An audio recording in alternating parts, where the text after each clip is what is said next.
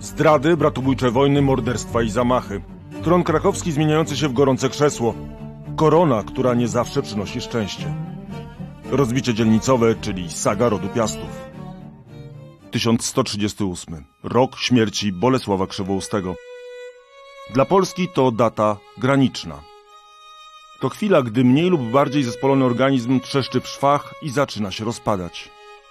Te coraz mniejsze kawałki poskładane zostaną dopiero niemal dwa wieki później, choć długo jeszcze będzie brakować części puzli. Bolesław, spisując testament, próbuje zatrzymać bieg historii, ale na niewiele to się zdaje. Już jego synowie rzucają się sobie do gardeł, kolejne pokolenia rozszarpują kraj na coraz drobniejsze części. Właśnie zaczyna się wielka historyczna saga, tym ciekawsza, że prawdziwa, a w szranki stają mniejsi i więksi władcy z krwi i kości. Trzeba będzie nie lada siły, uporu i szczęścia, by to państwo znów posklejać. Tym bardziej, że i koncepcji, i kandydatów nie brakuje. Pełno w tych zmaganiach krwi, zdrad, zwrotów akcji, a na końcu zwycięzcą okazuje się Władysław Łokietek, triumfator wcale nieoczywisty. Łukasz Starowiejski, zapraszam na kolejny podcast Muzeum Historii Polski z cyklu Tysiąc lat prześwietlenie. Tym razem chciałbym zaproponować podróż do średniowiecznej Polski, do czasów, gdy kraj został rozmieniony na drobne. Część pierwsza. Testament niezgody. Gdyby ktoś zrobił zdjęcie ostatnich chwil Bolesława Krzywoustego, pewnie przyłożył władcy zobaczylibyśmy otaczającą go wianuszkiem rodzinę, czterech synów i żonę w ciąży lub z niemowlakiem na ręku. Twarze wszystkich pokrywałby smutek, może nawet by się przytulali lub trzymali za ręce. Drobne rysy na tym obrazku mógłby ewentualnie sugerować czyjś odwrócony wzrok. I byłby to kolejny przykład, że tylko na zdjęciu z rodziną wychodzi się dobrze. Miał pewność Bolesław Krzywousty, że zostawiwszy sprawę schedy samej sobie, doprowadzi do krwawych bratobójczych starć. Za dużo miał synów i zbyt duże doświadczenie. Sam dopuścił się zbrodni. Nadany mu później przydomek krzywousty nie pochodzi zapewne od wady fizycznej, lecz niewykluczone, że od krzywoprzysięstwa. Tak, tak, krzywoprzysięstwa. Mimo obietnicy nietykalności uwięził swego przyrodniego brata Zbigniewa, oślepił i najpewniej doprowadził do jego śmierci. Nie był to pierwszy przypadek przemocy w rodzinie. Wygnania, morderstwa, najazdy na czele obcych armii, wszystko to już miało miejsce i za Chrobrego, i za Mieszka II, czy Kazimierza Odnowiciela. Nawiasem mówiąc, nie należy się w tym dopatrywać przypadłości wyłącznie Piastów. Podobne sceny działy się wszędzie dookoła, na Rusi, w Czechach czy na Węgrzech. Także podział kraju na dzielnice nie był nowością. Ojciec Krzywoustego wydzielił sobie i obu synom osobne władztwa, zachowując dla siebie formalną, zwierzchnią władzę. Zapewne nawet Mieszko I dokonał takiego podziału, a Chrobry nie od razu władał całą ojcowizną. Wiedział więc Bolesław, co się święci. A gromadka dzieci musiała mu spędzać sen z powiek. Właśnie dlatego stworzył, choć niekoniecznie napisał dokument, który w historii Polski jest bezprecedensowy. Testament Krzywoustego. Gdy poczuł, że los żąda już od niego śmiertelnej powinności, poleca spisać dokumenty testamentowe. Przekazuje w nich w spadku czterem synom i to, co osiągnięte zasługami przodków, i następstwo w królestwie, wyznaczając stałe granice czterech dzielnic, w ten sposób, że w ręku najstarszego miało pozostać i księstwo dzielnicy krakowskiej, i władza zwierzchnia. A jeśli spotkało go to, co ludzkie, zawsze starszeństwo i wzgląd pierworództwa miały rozstrzygać spór o następstwo. Sam dokument, jeśli istniał, nie przetrwał do naszych czasów, ale przetrwała relacja kronikarza. Wincenty Kadłubek był blisko wydarzeń, związany z dworem najmłodszego z synów Krzywoustego Kazimierzem. Notabene pominiętym w testamencie, być może dlatego, że urodził się już po śmierci ojca. Przypominają mu piątego syna. To jest Kazimierza, który był jeszcze małym dzieckiem. Dlaczego nie pamiętał o nim? Dlaczego nie zapisał mu żadnej cząstki testamentowej? A on im na to odrzekł. Owszem, od dawna pamiętałem i zapisałem. A gdy obwiniano ojca o sporządzenie nielitościwego testamentu, rzekł. W źrenicy oka widzę cztery strumienie z tej łzy wypływające i nawzajem na siebie uderzające falami. Niektóre z tych strumieni w najgwałtowniejszym wylewie nagle wysychają. Niech więc ustaną żale na nielitościwy testament. Historycy do dziś kłócą się o to, co rzeczywiście zawierał ten dokument. Prawdziwy diabeł, jak wiadomo, tkwi w szczegółach. Przyznanie dzielnic synom pozostaje faktem, ale jak się do tego miał princeps? Jak silną w zamierzeniach ojca miał władzę nad braćmi? Tylko senioralną, bardziej formalną niż faktyczną? A może podziału kraju de facto nie było, cała władza pozostawała w rękach seniora, a rodzeństwo miało tylko zarządzać poszczególnymi regionami. To zresztą rozważania akademickie, bo jakiekolwiek były zamysły Bolesława i treść dokumentu, plan legł w gruzach. Przeznaczenia krzywousty odwrócić nie zdołał. Czym był testament i co zawierał? Posłuchajmy doktora Tomasza Borowskiego z Muzeum Historii Polski. Założenia podziału władzy pomiędzy synów Krzywoustego, zapisane albo ustalone w ramach tak zwanego testamentu Krzywoustego, są w historii polskiej stosunkowo rzadkie, głównie dlatego, że musiały obsłużyć ogromną ilość osób.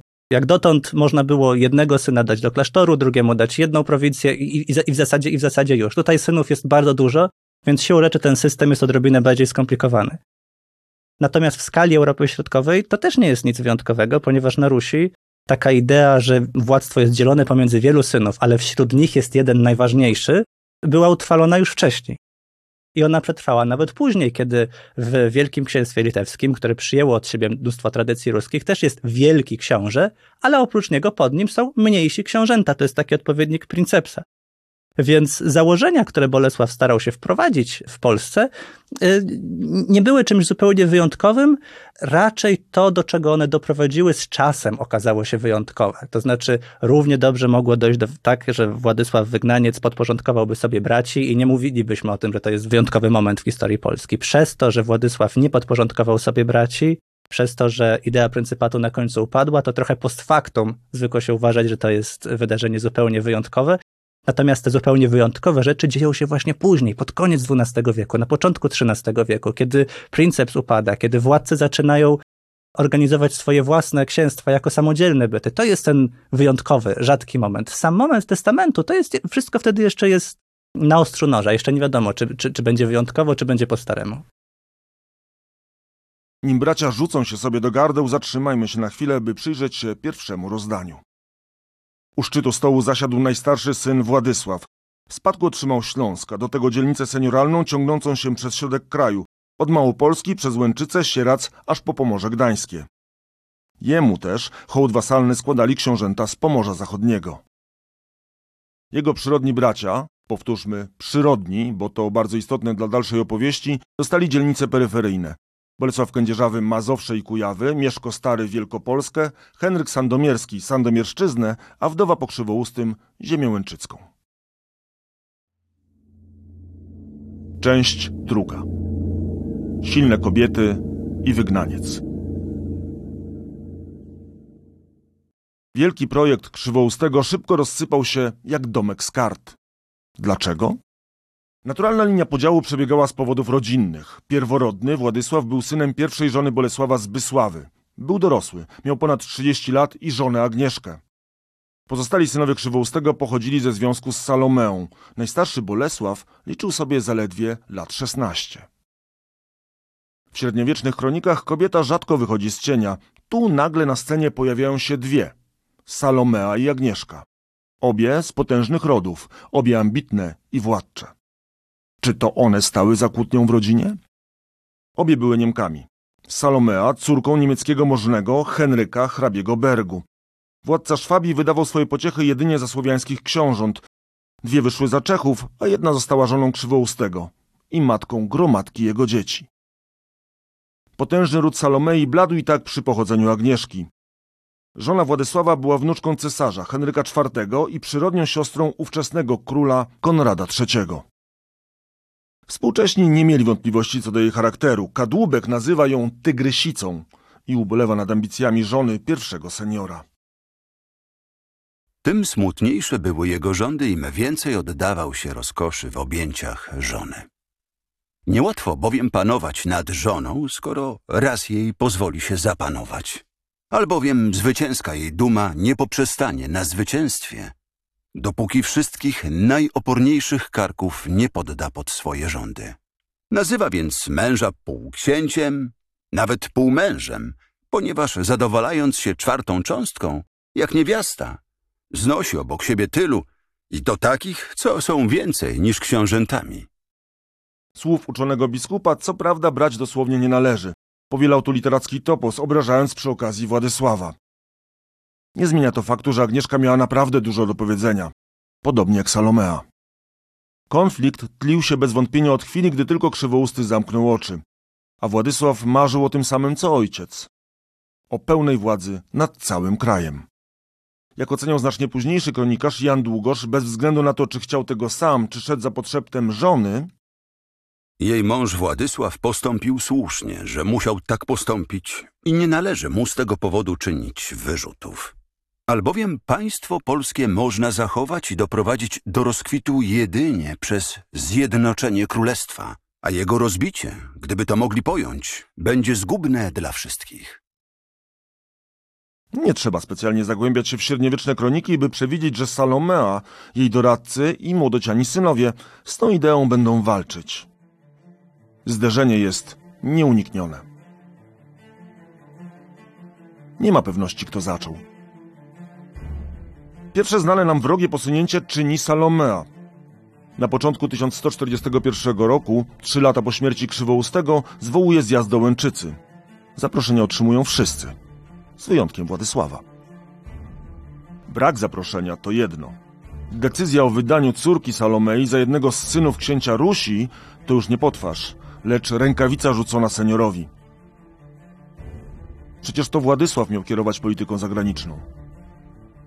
Senior pokazuje pazury. Doprowadza do małżeństwa polsko-ruskiego, tyle że ślub bierze jego syn, Bolesław Wysoki.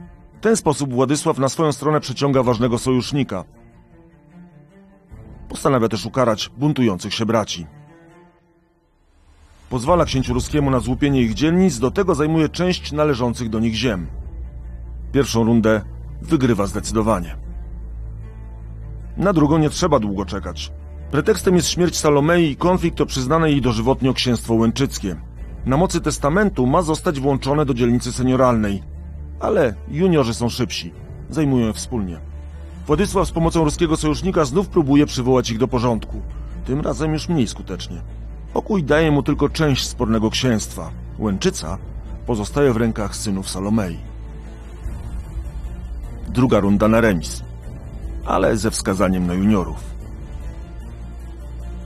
Władysław dąży do szybkiego nokautu. Zaczyna od czystki we własnych szeregach. Aresztuje, oślepia i skazuje na wygnanie swojego dotychczas najważniejszego stronnika, palatyna Piotra Własta. Pewności nie ma, czy wskutek informacji o spiskowaniu z przyrodnimi braćmi, czy też pod wpływem Agnieszki i zarzutów prywatno-obyczajowych. Tak czy inaczej, to zły pomysł. Srogi wyrok wzmacnia stronę przeciwną. Senior traci kolejnych krajowych sojuszników, bo możni wolą słabszych juniorów. Władysław zyskuje za to wsparcie z zewnątrz. Tradycyjnie zjednuje sobie księcia ruskiego, ale też wchodząc w sojusz z pogańskimi plemionami. Tymi siłami uderza na braci. Początkowo Odnosi sukcesy, oblega nawet Poznań. Za co arcybiskup gnieźnieński Jakub obrzuca go klątwą. Nie to jednak z punktu widzenia seniora jest najgorsze.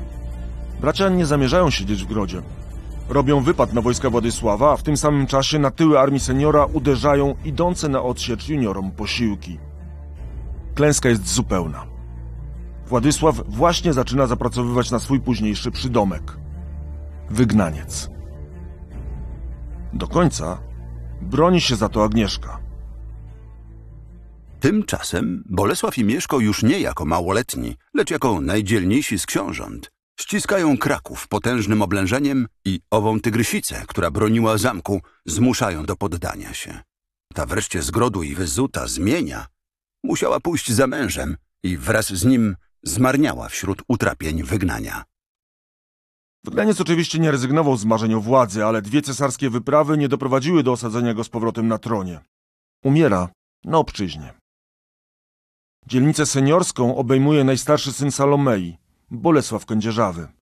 Ledwie dziesięć lat wystarczyło, by z hukiem obalić najważniejsze postanowienie testamentu krzywoustego. Seniora dla najstarszego z rodu. A w Polsce wprowadzić zamieszanie z roku na rok coraz większe. Początkowo jeszcze panował względny spokój, naruszany tylko przez powroty i wygnania synów Władysława na Śląsk. Notabene to ta dzielnica jako pierwsza zostaje podzielona na mniejsze części. Zaczyna się też powolne odsuwanie jej od Polski. Z pokolenia na pokolenie coraz większe wpływy mają kultura i osadnictwo niemieckie. Wewnętrzny pokój jest jednak nader chybotliwy, o czym przekonuje się kolejny syn Krzywoustego Mieszko Stary. Obejmuje on dzielnicę senioralną po Bolesławie Kędzierzawym. Jego władzę uznają wszyscy książęta. On sam tytułuje się dumnie księciem całej Polski. Tyle, że nie trwa to zbyt długo. W piastowskim kotle mieszają nie tylko potomkowie Krzywoustego. Niezbyt czyste paluchy wpychają tu i cesarz, i inni władcy ościenni. W miarę upływu lat coraz więcej do powiedzenia chcą mieć też polscy możni, zarówno świeccy, jak i duchowni. Rozdarcie państwa na mniejsze części i słabość władców to woda na ich młyn.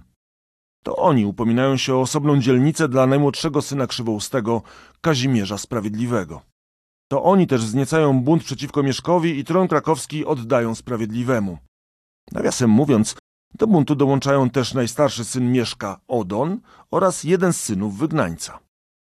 Gra o tron wyraźnie się rozkręca. Kolejny bunt przywraca Kraków staremu, następny wprowadza na Wawel z powrotem Kazimierza. Gdy Kazimierz umiera, być może otruty, biskup krakowski Pełka nie ma wątpliwości, kto powinien wybrać jego następcę. Nie stoi temu na przeszkodzie nawet ustawa przodków, która zastrzega, aby starszy z urodzenia zawsze miał prawo do panowania, ponieważ papież Aleksander i cesarz Fryderyk, mający władzę do nadawania i znoszenia praw, ustawę tę zupełnie znieśli, skoro obadwa za życia jeszcze starszego Mieszka Kazimierza w tym samym rządzie ustanowili i zatwierdzili. Możni zgodni są co do zasady. Zupełnie nie mogą się zgodzić co do osoby. To zapraszają Mieszka, to synów Kazimierza, Leszka Białego i Konrada Mazowieckiego. Swoje też dokładają inni piastowie, choćby książę w fantazyjnym przydomku Laskonogi. Tron na Wawelu zmienia się w prawdziwe gorące krzesło. Tymczasem erozja Polski postępuje. Zasada senioratu upadła już dawno. Czas na obalenie pryncypatu. Leszek Biały to ostatni książę, który nosił tytuły zwierzchnie księcia Polski. To już czas na finał pierwszego sezonu sagi i jak na wielki finał przystało, nie obyło się bez wielkiej, tragicznej sceny końcowej. Za scenerię posłużyła łaźnia. A wydarzenia przeszły do historii pod nazwą Krwawa łaźnia w Gąsowie. Do niej udać się mieli książęta w przerwie między obradami zwołanego przez Leszka Białego zjazdu. Odbył się w listopadzie 1227 roku, a zjechali się nań najważniejsi książęta piastowscy. Zabrakło tylko Laskonogiego oraz zapewne jego bratanka Odonica. Nie było też zaproszonego na zjazd namiestnika Pomorza Świętopełka. Warto zwrócić uwagę na tę listę nieobecności, bo to jednocześnie lista podejrzanych. Długoż co do winnego nie ma wątpliwości. Zabijali nie tylko zbrojnych i rycerzy, ale także nagich. Kiedy książęta będący w łaźni zorientowali się w niebezpiecznej sytuacji, Leszek Biały, jako silniejszy, ze względu na jego wiek, wyskakuje z łaźni i dosiadłszy konia podanego mu przez swoich ludzi, zaczyna uciekać z kilkoma towarzyszami. Świętopełk, pominąwszy wszystkich, urządza pościg za nim jedynym jako za upragnionym łupem, twierdząc, że całe jego zwycięstwo zawisło od tego jednego trupa. To też chociaż garstka otoczona przez zgraję walczyła dość długo i wytrwale, wszyscy jednak giną do ostatniego, razem z księciem i swoim panem Leszkiem Białym, z ręki niegodziwego zdrajcy. Czyli Świętopełk? Zapewne. Choć trzeba pamiętać, że Długosz pisze ponad 200 lat później, co nie wpływa dobrze na jego wiarygodność. Według kronikarza pomorski namiestnik chciał uniezależnić się od Piastów. Biały jego grę przejrzał i wezwał go na zjazd, chcąc go pojmać. Teoria spójna. Ale historycy wsadzają kij w mrowisko i winę próbują przypisać to Laskonogiemu, to Odonicowi, a nawet rannemu w awanturze śląskiemu księciu Henrykowi Brodatemu. Z perspektywy historycznej nie tyle sprawca, ile efekt jest najważniejszy. Po Leszku Białym nikt już nie tytułuje się księciem princepsem. Ostatni formalny węzeł, i tak już dość luźno wiążący polskie ziemie, zostaje przecięty. Część trzecia. Postępująca erozja, krzyżacy i Tatarzy. Barwny, choć często krwawy kalejdoskop książąt, bitew czy sojuszy rozkręcał się z pokolenia na pokolenie, a ród piastowski stopniowo dzielił się na odrębne gałęzie śląską, małopolską, pomorską, wielkopolską, mazowiecką. Chyba nie sposób bez znużenia przebrnąć przez korowód zdarzeń następujący w kolejnych latach. Piastowskich potomków przybywa, księstwa stają się coraz mniejsze, zmieniają się ich granice. Konflikty, walki, zawierane i zrywane sojusze to codzienność. Ale my zostawmy na chwilę tę skłóconą rodzinę. Oto bowiem dochodzi do wydarzeń absolutnie kluczowych i przełomowych w historii Polski. Krzyżacy. Trudno znaleźć bardziej odpowiedni synonim dla odwiecznego wroga, bezlitosnego mordercy chowającego się za płaszczem z krzyżem. Ale na tę czarną legendę zakon szpitala Najświętszej Marii Panny domu niemieckiego w Jerozolimie, bo tak brzmiała jego pełna prawdziwa nazwa, musiał jeszcze solidnie zapracować. Zakon powstał kilkadziesiąt lat wcześniej w czasie wypraw krzyżowych do Ziemi Świętej. Szybko zyskał uznanie najważniejszych możnych tego świata. Papież oficjalnie go zatwierdził. Cesarz nadał braciom ziemię innymi we Włoszech. Za cesarzem poszli inni władcy. Ale prawdziwą okazją dla krzyżaków stało się zaproszenie króla Węgier. Władca w zamian za zbrojne wsparcie przeciw pogańskim plemionom uposażył zakonników, przyznając im, choć nie na własność, ziemię w Siedmiogrodzie. Krzyżacy zakasali rękawy. Działali dwutorowo. Po pierwsze walcząc i budując system zamków. Po drugie zabiegając u papieża o uznanie ich prawa własności do ziemi. Coś nam ta historia mówi? Władca Węgier połapał się w podstępie i mimo protestów papieża po kilkunastu latach zakonników wygnał. Zaproszenie wystosowane przez Konrada Mazowieckiego spadło krzyżakom jak manna z nieba.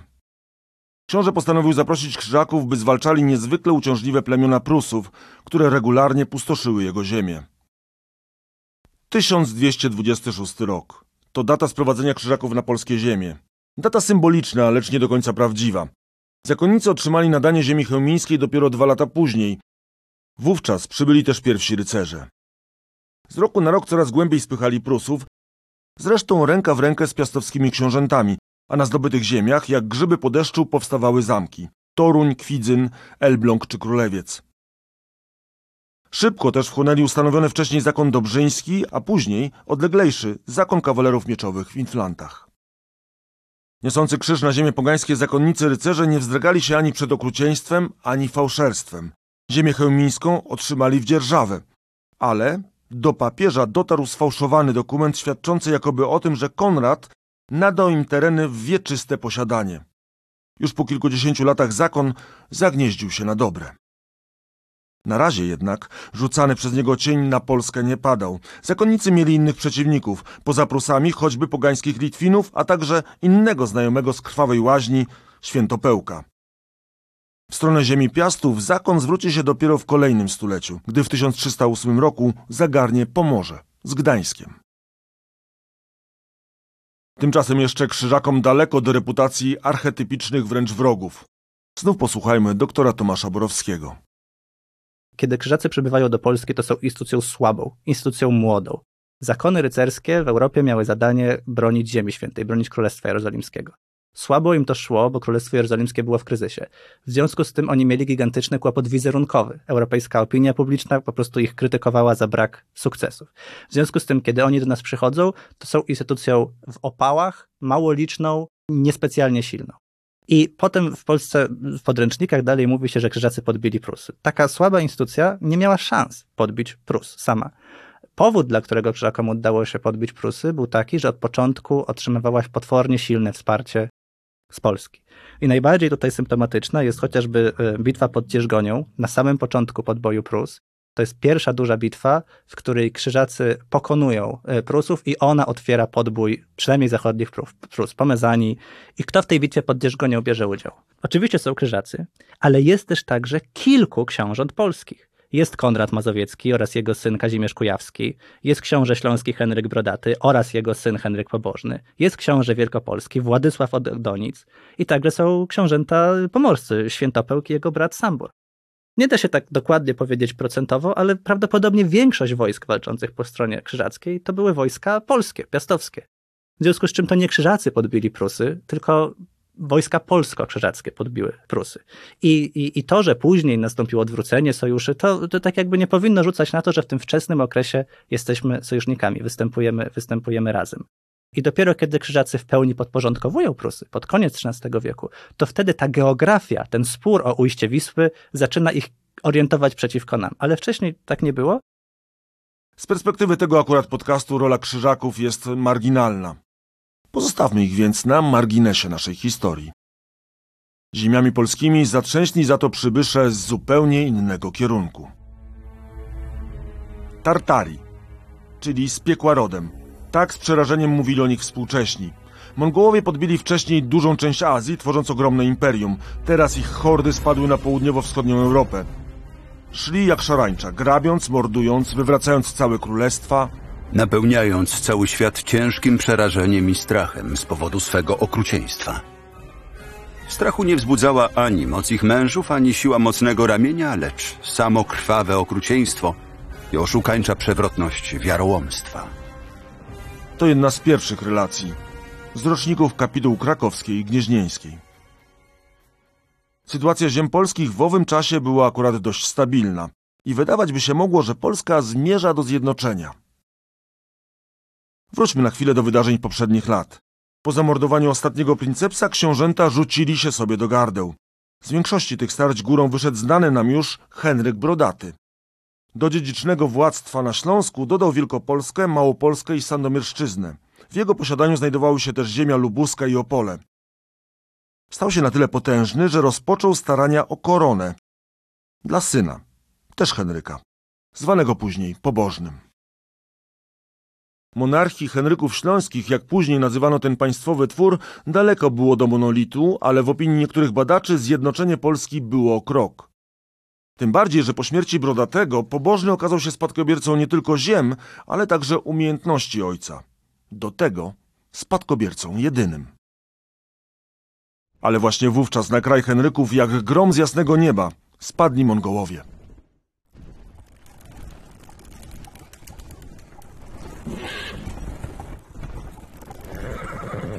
Hordy pod wodzą potomków i następców Chingishana uderzyły w 1241 roku, tuż po tym jak po krwawych bitwach opanowały Róż Kijowską. Był to ledwie odprysk wielkiej armii, główne siły skierowane zostały na Węgry. Chodziło o to, by Czesi i Polacy nie mogli pójść Węgrom z odsieczą. Określenie szarańcza tylko o tyle jest przesadzone, że armia nie była wcale tak liczna. Liczyła około 10 tysięcy jeźdźców. Ich przewaga polegała na czym innym. Pewien francuski dominikanin tak opisuje chwilę podjęcia przez tatarskiego wodza decyzji o ataku na Węgry. Gdy zaś Batu Han miał wkroczyć na Węgry, złożył ofiarę demonom, pytając, czy ośmieli się tam wejść. Odpowiedział mu demon mieszkający w posągu. Idź spokojnie, bo wysyłam trzy duchy przed tobą, a dzięki nim twoi przeciwnicy nie zdołają ci się oprzeć. Te duchy to niezgoda, niewiara, strach. Przesądy i psychologia to jedno. Co jeszcze dawało przewagę owym przybyszom z Tartarii? Ich siłą były świetna organizacja, nowoczesne dowodzenie, oparte na wodzach nieuczestniczących w bezpośredniej walce, w przeciwieństwie do średniowiecznych władców europejskich, lecz obserwujących pole bitwy i reagujących na wydarzenia. Do tego umiejętne fortele w rodzaju pozorowanych ucieczek i nagłych zwrotów, wreszcie najprawdopodobniej broń chemiczna. Tak, tak, broń chemiczna. W ten sposób zdobyli pół ówczesnego świata, choć akurat Polacy w sporej mierze sami byli winni klęskom. Mongołowie atak na Polskę rozpoczęli w styczniu. W połowie lutego zajęli i spustoszyli Sandomierz. Po kilku potyczkach, w których nie zawsze byli górą, rozdzielili się. Część uderzyła na Kujawy, większość ruszyła na Kraków. Tam pokonali polskie wojska, ale samego Wawelu nawet nie spróbowali zaatakować. Wystarczyło im splądrowanie niechronionych części miasta. Zostawiwszy za sobą łuny pożarów, ruszyli na Śląsk. Tam też nie wszystko szło po ich myśli. Część sił została rozbita pod Raciborzem. Nie udało się też zająć grodu we Wrocławiu. Do decydującego starcia miało dojść pod Legnicą. Siły były zapewne wyrównane. Obie armie liczyły po 7-8 tysięcy wojowników. W bitwie Mongołowie zastosowali prawdopodobnie wszystkie sprawdzone triki. Początkowo ich oddziały rzuciły się do udawanej ucieczki, a Polacy najpewniej rzucili się do bezładnej pogoni. W innym momencie bitwy, jak donosi Długosz, Ktoś z oddziałów tatarskich, nie wiadomo czy ruskiego, czy tatarskiego pochodzenia, biegając bardzo szybko tu i tam, między jednym a drugim wojskiem, krzyczał okropnie. Wołał bowiem po polsku biegajcie, biegajcie, to znaczy uciekajcie, uciekajcie, wprawiając Polaków w przerażenie. Po tatarsku zaś zachęcał Tatarów do walki i wytrwania. sztuczka się udała, bo z pola bitwy uciekł wraz ze swoim oddziałem książę Mieszko Otyły. Kiedy książę Henryk zobaczył to na własne oczy i gdy mu o tym donieśli inni, zaczął wzdychać i lamentować, mówiąc: Górze się nam stało. Losy bitwy przechyliły się na stronę najeźdźców, lecz wcale jeszcze nie były przesądzone. Wówczas Tartarii, Tatarzy, jak ich później nazywano według Długosza, sięgnęli po swoją ostateczną broń. Była w wojsku tatarskim wśród innych chorągwi jedna olbrzymia, na której widniał wymalowany taki znak X. Na szczycie zaś drzewca tej chorągwi była podobizna wstrętnej czarnej głowy z podbródkiem okrytym zarostem. Kiedy Tatarzy cofnęli się o jedno staje, chorąży tego sztandaru zaczął, jak mógł, najsilniej potrząsać głową, która sterczała wysoko na drzewcu. Buchnęła z niej natychmiast i rozeszła się nad całym wojskiem polskim para, dym i mgła o tak cuchnącym odorze, że z powodu okropnego i nieznośnego smrodu walczący Polacy niemal omdleni i ledwie żywi osłabli i stali się niezdolni do walki. Trudno do końca stwierdzić, na ile historia jest wiarygodna. Potwierdzone jest natomiast, że Mongołowie gazami bojowymi dysponowali. Czy one były ostateczną przyczyną klęski? To teoria nie do udowodnienia. Za to pewne jest, że klęska była całkowita. Wtedy księcia Henryka wzięli Tatarzy do niewoli i całkowicie obrabowali. A kazali mu klękać przed martwym wodzem, który poległ w Sandomierzu. Głowę jego, jakby głowę barana, zawieźli przez Morawy na Węgry do Batu i wkrótce potem rzucili ją między głowy innych poległych. Inne źródła twierdzą, że zginął w walce, a także, że wcale nie ukląkł. Jego ciało udało się odnaleźć dzięki wskazówce żony. Pobożny u jednej nogi miał bowiem sześć palców. Nic już nie zatrzymywało Mongołów przed opuszczeniem Polski. Siły Piastów zostały starte w pył, a głównym celem najeźdźców nadal były Węgry. Polskę pozostawili spustoszoną i pozbawioną centralnej władzy. Wraz z Pobożnym na pobojowisku legły też wielkie plany odbudowy polskiego królestwa.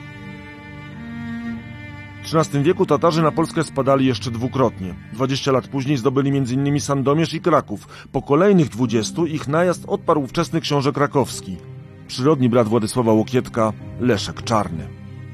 W kolejnych wiekach Tatarzy byli stałym składnikiem wszelkich wojen Polski na południowym wschodzie. Część czwarta. Ku jedności. Marzenia o koronie. Po odejściu Mongołów Polska była w proszku. Upadła monarchia śląskich piastów, a dzielnice rozdrapywane były na coraz drobniejsze kawałki. Na pół dzieli się dziedzina mazowiecka, z której wydzielone zostaje księstwo kujawskie. To w nim za kilkadziesiąt lat urodzi się ten, który Polskę zjednoczy. Władysław Łukietek. Rozpadają się też Wielkopolska i Śląsk. Korzystając ze słabości skłóconych książąt, Brandenburczycy zajmują ziemię lubuską, a Czesi podgryzają księstwa śląskie. Adekwatne w tym miejscu będzie powiedzenie o sięgnięciu dna, od którego można się już tylko odbić. Wiatry zaczęły się zmieniać. Dlaczego? I kto za tym stał? O tym Tomasz Borowski z Muzeum Historii Polski. Jednym z takich najbardziej interesujących i ciekawych paradoksów okresu rozbicia dzielnicowego jest to, że brak jedności politycznej, podział pomiędzy władcami, dał ogromny impuls do poszukiwania jedności kulturowej. I zwłaszcza XIII wiek, czyli ten moment, w którym e, władza centralna ostatecznie upada, to jest ten moment, w którym elity polskie zaczynają mocno naciskać, kształtować, budować wspólną tożsamość Polski. To się przejawia na przykład kronikami. Przede wszystkim kronika wielkopolska oraz kronika polska Wincentego Kadłubka, gdzie są po raz pierwszy opisane takie historie wspólne dla wszystkich Polaków. To są bajki, na których, bajki, opowieści, mity, które do teraz są częścią polskiej kultury. Opowieść o Wandzie, o dzielnej królowej Wandzie, która, która walczyła z zagrożeniem dla Polski, o, o Kraku, który zakłada gród Kraków, o, o walkach pomiędzy Polakami a Rzymianami. I chyba takim najwyraźniejszym świadectwem tego jest kult świętego Stanisława, który w tym czasie się rozwija jako patron, jako patrona całej Polski. Święty Stanisław do tego czasu, to biskup Krakowa, zabity przez króla Polski Bolesława Śmiałego, on był w dużej mierze zapomniany, nie przywiązywano do niego dużej wagi i nagle w XIII wieku on się okazuje ogromnie pomocny. To na uroczystości kanonizacyjne świętego Stanisława Wincenty Skielczy napisał hymn Gaude Mater Polonia, Raduj się Matko Polsko, uważany za pierwszy polski hymn.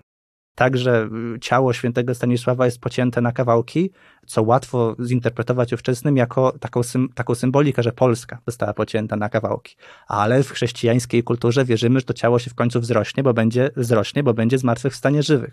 Więc tak jak to ciało świętego Stanisława się zrośnie, tak i Polska się kiedyś zrośnie. Podczas gdy władza książęca się podzieliła, władza kościelna się nie podzieliła. To znaczy arcybiskup Gnieźnieński dalej pozostaje głównym, e, e, głównym hierarchą kościelnym e, na ziemiach polskich i archidiecezja dalej sprawuje formalną pieczę nad, nad Pomorzem, nad Śląskiem, nad, nad Małopolską. Więc ta struktura działa i ja mówiąc, że polskie elity dążą do wspólnoty kulturowej, tak naprawdę mam na myśli polskich duchownych, ponieważ osoby, które pisały, Wincenty Skielczy i Kadłubek i, i, i także arcybiskup Świnka to są członkowie elit, no ale to są duchowni. I oni dążą do odbudowy jedności z przyczyn, z przyczyn także instytucjonalnych. To znaczy y, silny władca jest dobrym patronem, e, dobrym patronem kościoła i on będzie chronił kościół przed, przed, przed polski kościół przed wpływami z zewnątrz. Ważnym elementem, choć często pomijanym, jest zanik płodności u piastów. Wymierają kolejne gałęzie rodziny. Na Bolesławie Wstydliwym kończy się odłam Małopolski. Bez potomków odchodzi też m.in. Leszek Czarny. Także dwaj bohaterowie ostatniego starcia o koronę, Henryk Probus i Przemysł II, nie zostawiają dziedziców. Nim jednak bezpotomnie umrą, dajmy się im urodzić. Bo na to, by znaleźli się ludzie wystarczająco silni, zdeterminowani i skuteczni, by rozbitą na łupiny Polskę zacząć sklejać, trzeba było odczekać jeszcze jedno pokolenie. W odstępie zaledwie trzech lat na świat przyszły aż trzy takie osoby. Na Śląsku kolejny z Henryków Probus, czyli prawy, w Wielkopolsce Przemysł II, a na Kujawach Władysław Łokietek. Gra o tron. Tak można nazwać ów ostatni sezon sagi o skłóconych piastach. Choć tu chodzi raczej o inny symboliczny przedmiot. Koronę. Zatrzymajmy się na chwilę, by zapoznać się z głównymi bohaterami. Henryk Probus, władca Śląska, był wnukiem pobożnego, tego od sześciu palców i klęski pod Legnicą. Choć Probus znaczy prawy, niekoniecznie w oczach historyków jest postacią krystaliczną. Największym zarzutem jest zniemczenie. Był władcą i poetą, ale wiersze pisał po niemiecku. Trudno się temu dziwić, skoro wcześniej osierocony przez rodziców, wychowany był początkowo przez stryja, arcybiskupa Salzburga, a później na zniemczonym dworze czeskiego króla w Pradze. Przemysł II, książę z Wielkopolski, też był wnukiem pobożnego, tyle że po kądzieli. Początkowo patrzył głównie w kierunku północnym i zachodnim. Walczył z Brandenburgią. Z księciem gdańskim Mściwojem zawarł układ o przeżycie. Wieczyste przymierze zawarł też z książętami zachodniopomorskimi. I wreszcie last, but not least. Na końcu, lecz nie ostatni, Władysław Łokietek. Kujawski książę, choć początkowo włości ma niezbyt imponujące, wcale nie jest w wyścigu o koronę outsiderem. Leszek Czarny, władca Krakowa, który odpiera trzeci najazd Mongołów, jest jego przyrodnim bratem. To śmierć Leszka Czarnego otwiera ostatni sezon gry o tron, w który wmieszają się też władcy Czech, potężny Wacław II i jego syn Wacław III. A w skomplikowanej rozgrywce w mniejszych rolach występuje jeszcze kilku członków piastowskiej familii. Miłośnicy mrocznych i krwawych historii mogą już zacierać ręce. Dwóch z pięciu bohaterów zginie w krwawych jadkach. Jeden zostanie otruty. Kolejny będzie musiał uciekać w habicie. A po pomoc być może uda się aż do Rzymu. Pierwszy klaps sezonu pada dokładnie 30 września 1288 roku. Wówczas to zamyka oczy Leszek Czarny. Choć zjazd szlachty na władcę Małopolski wybiera księcia płockiego Bolka, to wawelski tron metodą faktów dokonanych przejmuje Probus. Śląski książę od dawna stawia sobie cele znacznie ambitniejsze niż tylko poszerzenie swojego dominium. O ozdobieniu głowy koroną myśli już co najmniej od dekady. Wyrażamy zgodę na to, by drogi nasz zięć chciał zdobyć królestwo i koronę w Polsce. Do czego osiągnięcia pragniemy wspierać wspomnianego naszego zięcia radą, pomocą i poparciem. Napisał w dokumencie z 1280 roku inny piast Władysław Opolski. Henryk o pozwolenie na koronację stara się też na dworze cesarskim. O swoje walczy przy pomocy miecza, układów, forteli i zdrady. Na tle rodziny zresztą się nie wyróżnia. Dwa razy jest więziony przez swoich piastowskich kuzynów, raz on więzi krewniaków. Zwabia w pułapkę także przemysła, na którym wymusza zrzeczenie ziemi wieluńskiej. Później z kuzynem się dogaduje, być może nawet zawiera układ o dziedziczeniu. Tron w Krakowie jest jednak wyjątkowo chwiejny, w czym największa zasługa Łokietka. To on bije wracające na Śląsk wojska Henryka i podstępem zajmuje, na krótko, stolicę Małopolski. Henryk odwdzięcza się pięknym za nadobne, a Łokietkowi pozostaje wdzianie habitu. Wojsko zatem księcia wrocławskiego Henryka, które potajemnie przybyło do Krakowa, wpuścili nocą do miasta popierający Henryka wrocławskiego mieszczanie krakowscy i o mało co żywcem nie ujęto Władysława Łokietka, który kręcił się wśród straży wojskowych w mieście. Łokietek z niektórymi rycerzami pieszo w habicie braci mniejszych świętego Franciszka, którzy go spuścili przez mur przylegający do ich klasztoru, ledwie umknął z rąk wrogów, których wtargnięcie zbyt późno dostrzegł. Opisuje Długosz. Henryk Kraków odzyskał, ale korona nie była mu pisana. Zdążył jedynie wysłać list do papieża z prośbą o zgodę na koronację. Zmarł nagle, zapewne otruty. Na Wawel wprowadza się przemysł. Ale i Wielkopolanin w Małopolsce nie zdąża się dobrze urządzić. Gród Kraka oddaje walkowerem czeskiemu Wacławowi. Sam zabiera insygnia królewskie i wraca do Gniezna. Niedługo później, po śmierci Mściwoja, przejmuje Pomorze Gdańskie. Teraz już czas na akt tyleż dla historii Polski symboliczny, co nieistotny. I wcale nie jest to paradoks. 26 czerwca 1295 roku przemysł zostaje koronowany na króla Polski. Pierwszego od ponad 200 lat.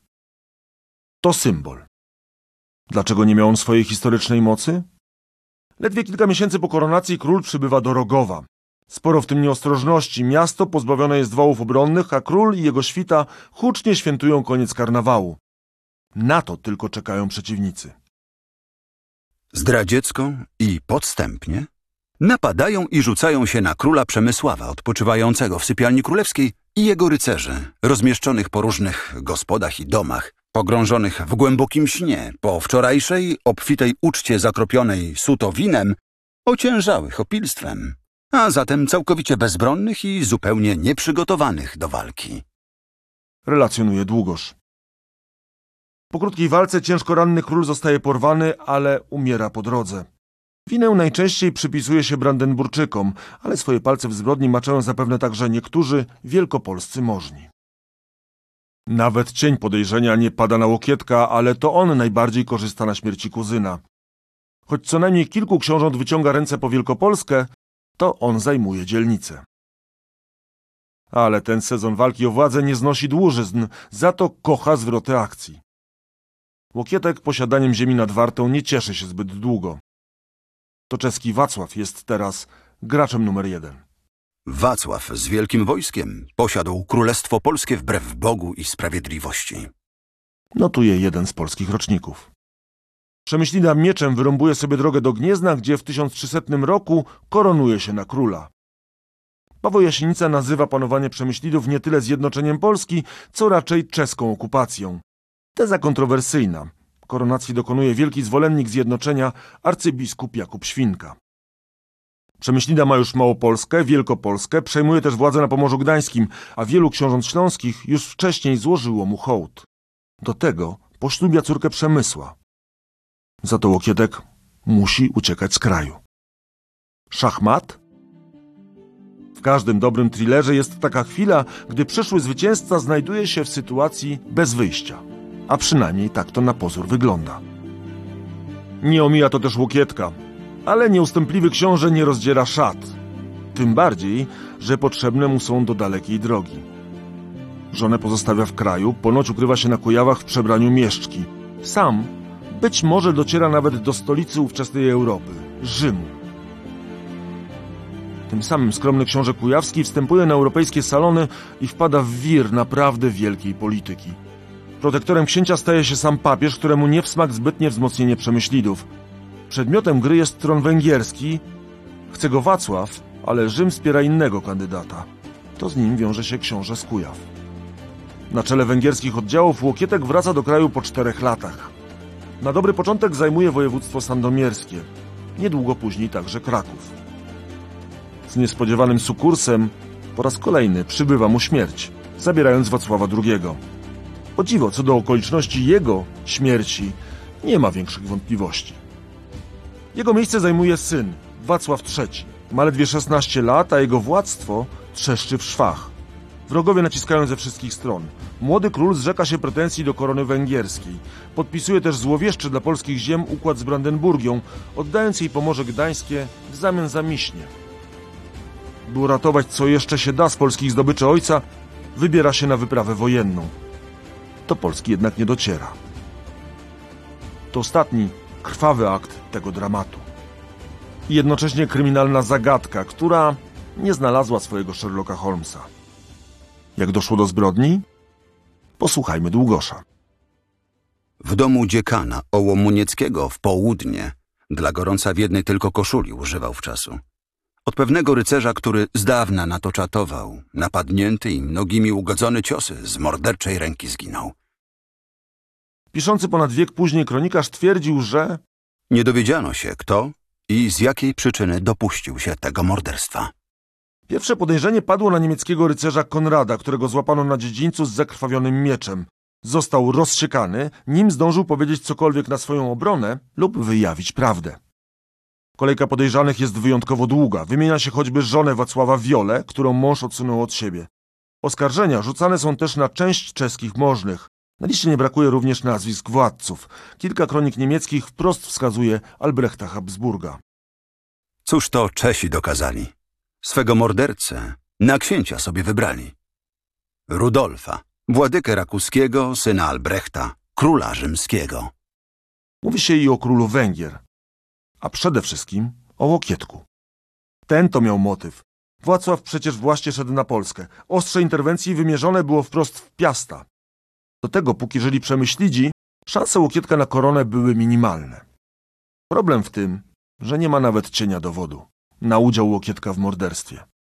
I właśnie z tego względu trzeba zamknąć nasze dochodzenie, by wrócić do ostatniego żywego z wielkich rywali. Łokietek, umocniwszy się w Krakowie, ruszył na Pomorze. Za to Wielkopolska na razie poszła do Henryka Głogowskiego. Ten był surowy wielce na złodzieje i łotrzyki. Ale sam był wielki wyciągacz. Ani zgoła Polakom chętliwy. Pisał kronikarz, być może niezbyt sprawiedliwie, bo Śląski Piast też marzył o zjednoczeniu ziem, tytułował się nawet dziedzicem Polski. Łokietek niezbyt długo cieszył się też Pomorzem. Zajęty sprawami na południu nie był w stanie pomóc Gdańskowi podczas najazdu Brandenburczyków. Na pomoc zdecydowano się wezwać Krzyżaków, którzy zdradziecko przejęli miasto.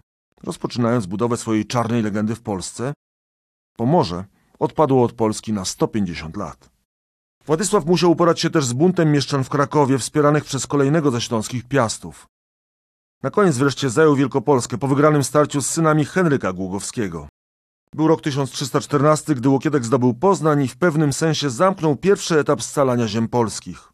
Jego władztwo obejmowało Małopolskę i Wielkopolskę, ziemię łęczycką, sieradzką i Kujawy. Temu organizmowi daleko było do Polski Bolesława Krzywoustego. Brakowało Pomorza, Śląska czy Mazowsza. Na przyłączenie pierwszego trzeba było czekać półtora wieku. Mazowsze inkorporowane zostało za ostatnich piastów, a Śląsk, jako całość, w polskich granicach pojawił się dopiero po II wojnie światowej. Ale to kadłubowe państwo miało szansę na dalszy rozwój i na zdobycie wyższej rangi. Łokietek poważnie zaczął starać się o koronę. Udało mu się w styczniu 1320 roku. To chwila, którą można uznać za symbol. Symbol końca rozbicia dzielnicowego. To też chwila, by podsumować ten niemal dwustuletni okres. Oddajmy głos doktorowi Tomaszowi Borowskiemu. Najważniejszą jednak kwestią, która w mojej ocenie najbardziej wymaga komentarza, jest jednak powszechnie przyjęta ocena całego tak zwanego okresu y, rozbicia dzielnicowego jako czegoś negatywnego. To jest y, uproszczenie, za które w dużej mierze odpowiadają dawni historycy. To znaczy kiedyś historią zajmowali się niemal wyłącznie historycy, którzy z kolei polegali na źródłach pisanych, interesowały ich historie osobiste władców, bitwy, no to z tego punktu widzenia faktycznie to był okres, który wiąże się z osłabieniem Polski, osłabieniem jedności Polski, osłabieniem znaczenia Polski na arenie międzynarodowej. To jednak jest już bardzo staromodne podejście. Współczesna nauka zwraca uwagę także na inne rzeczy, takie jak rozwój gospodarczy, jakość życia, kultura materialna oraz sztuka. Pod tym względem Okres rozbicia dzielnicowego był czasem niesamowicie pozytywnym. To był czas ogromnego rozwoju poszczególnych części Polski. Każdy lokalny władca starał się inwestować i rozwijać swoje ziemie. Powstają zatem liczne nowe kancelarie prawne, nowe wsie, lokowane miasta, nowe dwory książęce finansują sztukę, fundują klasztory i kościoły. Większość budynków romańskich zachowanych w Polsce, które do dziś turyści często zwiedzają, pochodzi właśnie z okresu tzw. Tak rozbicia dzielnicowego. Bardzo rozwija się polska kultura i instytucje, które będą ją budowały także w kolejnych latach.